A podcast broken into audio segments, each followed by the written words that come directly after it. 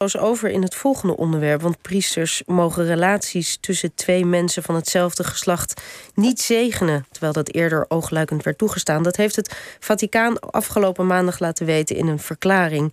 Voorheen konden homostellen hun relatie door creatieve oplossingen toch nog wel laten zegenen. Ja, en te gast is socioloog David Bos uh, om te vertellen hoe we die verklaring van het Vaticaan moeten en kunnen zien.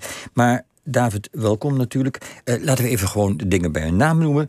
Uh, het homohuwelijk bestaat 20 jaar, dit jaar. De openstelling van het huwelijk voor paren van hetzelfde geslacht, uh, Jos. Ik, er bestaat geen homo. Ga je zo door? Er bestaat maar één huwelijk. Ga je zo door met verbeteren? Des te beter. heel goed, ja. goed zo. Maar wat ik wilde vragen, dus de openstelling van, et cetera, et cetera, ja. bestaat 20 jaar. En op dat moment komt het Vaticaan met deze verklaring. Well-timed? Ja, ik weet niet wat wat, of Nederland voor hen het voornaamste referentiepunt is. Ik denk dat er een andere aanleiding uh, was, eerlijk gezegd. Welke aanleiding, denk je? Nou, de aanleiding is vijf maanden geleden is er een documentaire verschenen... Uh, gemaakt door een Russisch, Israëlisch, Amerikaans regisseur, Francesco. Dat gaat over, over Paus Franciscus. En over zijn strijd voor de armen en, en voor vluchtelingen... En, en, en tegen de klimaatverandering en dergelijke. En daarin komt ook een passage voor. Het is een lange documentaire, maar een passage over het H-verschijnsel. Um, en daarin uh, worden, wordt eigenlijk oud materiaal gebruikt. Materiaal uit een, uit een Mexicaans interview uit 2019. Waarin Paus Franciscus um, uh, het een en ander zegt over, um, uh, over homoseksuelen en, en, en de familie.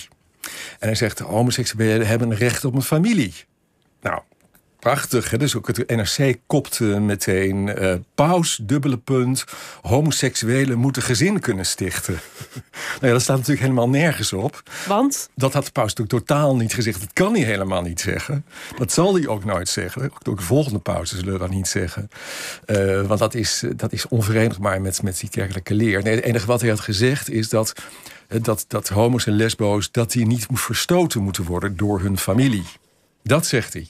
Ja, en dat is al heel wat. Maar er kwam een beetje ten onrechte misschien een wat progressief beeld uit naar voren. Ja. Ja, precies. En hij, had, en hij had gezegd, en dat is wel relevant... hij had gezegd, eh, er, er moet ook eh, worden gewerkt aan, uh, aan geregistreerd partnerschap... zoals we dat in, in, in Nederland uh, noemen. Juist. Dus een soort wettelijke erkenning van dat, En dat is best een grote stap. Dus, dus het leek bij deze paus een beetje toch echt wel... een andere kant op te gaan. Ja. Dus is het David Bos toch verrast over de verklaring over de openstelling, dat de openstelling niet mag worden gezegend, et cetera? Nee, nee, nee, nee, daar ben ik niet verrast over. Want het, nou, zoals gezegd, het, het kan niet anders dat, dat, dat de, de, de, de paus hier aan, aan vasthoudt. Kijk, dit, dit is een kerk in Nederland zullen er heel veel katholieken zijn die zeggen: Kom nou eens op, kerk. En erken dan nou eens eh, die, die homorelaties. En dat zullen ze ook zeggen in, in Duitsland. Er zijn ook bisschoppen die daarvoor pleiten. In Vlaanderen. België. Ja, precies, hè, daar, daar wordt het ook gezegd. Uh, maar er zijn ook hele grote de, de, delen. En heel veel Afrikaanse en Aziatische landen moeten ze er helemaal niets van hebben. En dat eh, vinden ze juist dat deze paus veel te ver gaat. En daar was deze verklaring voor, voor bedoeld, om weer even de puntjes op de i te zetten. Maar is het misschien ook om die pauze een beetje te corrigeren van uh, tot hier en niet verder? Ja, dat, vind ik, dat, dat, dat weet ik niet. Daar, daar moet je echt een Vaticaan-watcher voor zijn. Ben jij, ja, dus dat, uh... Je bent ook van de andere kant qua geloof, hè? Ja, ja, ja, inderdaad, ja. ja. Maar officieel um, mocht zo'n inzegening nooit. Nee. Uh, maar in de praktijk was er toch wel wat mogelijk. Uh, wat gebeurde er dan in het verleden in de praktijk? Nou, wat het eerste teken dat zo'n soort dingen wel gebeurden... dat vind je in een interview met Gerard van het Reven... toen nog geheten, uit 1963 in het Vrije Volk.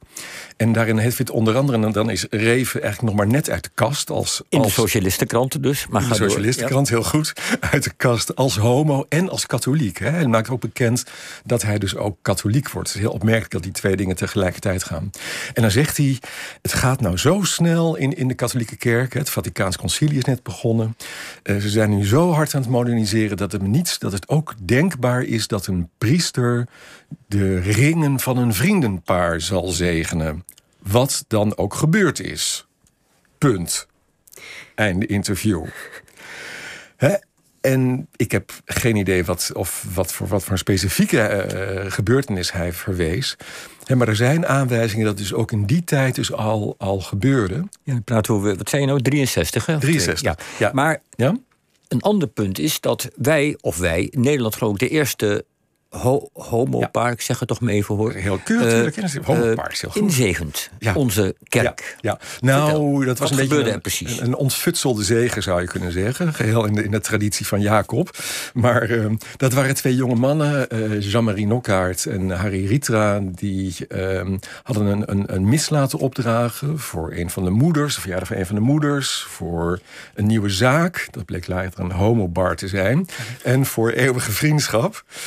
En tijdens die mis, die werd, uh, ja, die, die werd gehouden in de kapel van de Broeders van de Onbevlekte Ontvangenis te, te Rotterdam.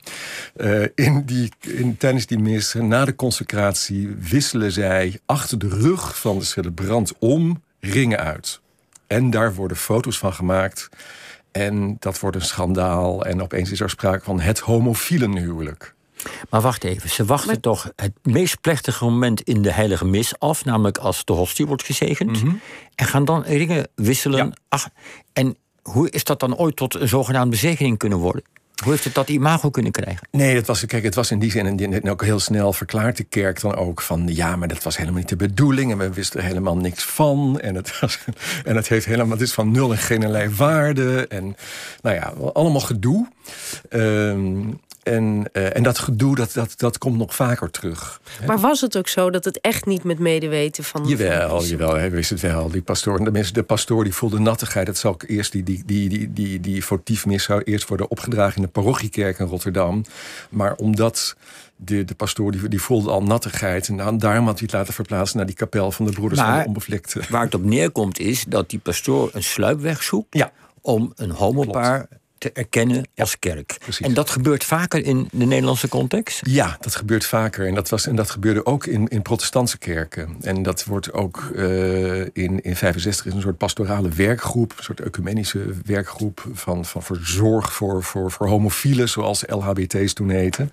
eh, wordt dat ook zo besproken. Van, eh, en ze hebben ook van ja, goed, het moet ook eigenlijk dan maar niet altijd publiekelijk gebeuren.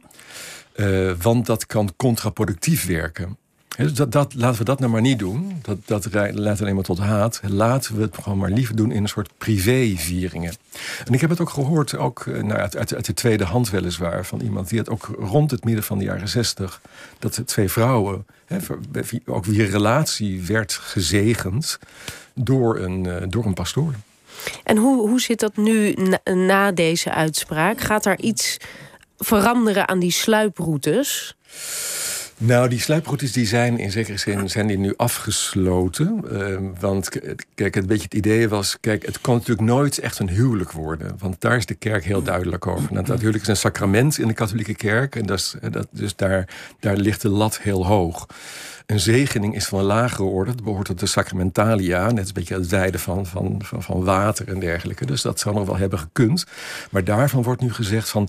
dat lijkt te veel op het huwelijk. En dat kan misverstand wekken. Dus dat moet je vooral niet doen. Maar, wat... Ja? Maar de, de moederkerk verzint. Er zijn vast mensen in de moederkerk die een list gaan verzinnen. Tuurlijk, tuurlijk, natuurlijk. En weet je, je kunt ook in de kerk weer allerlei dingen zegenen. Dus ik zou, ook zeggen, ik zou zelf willen pleiten voor het zegenen van de tafellakens. En dat dan ook allerlei stellen en alleenstaanden met een tafellaken naar de kerk kunnen komen. Dat kunnen laten zegenen.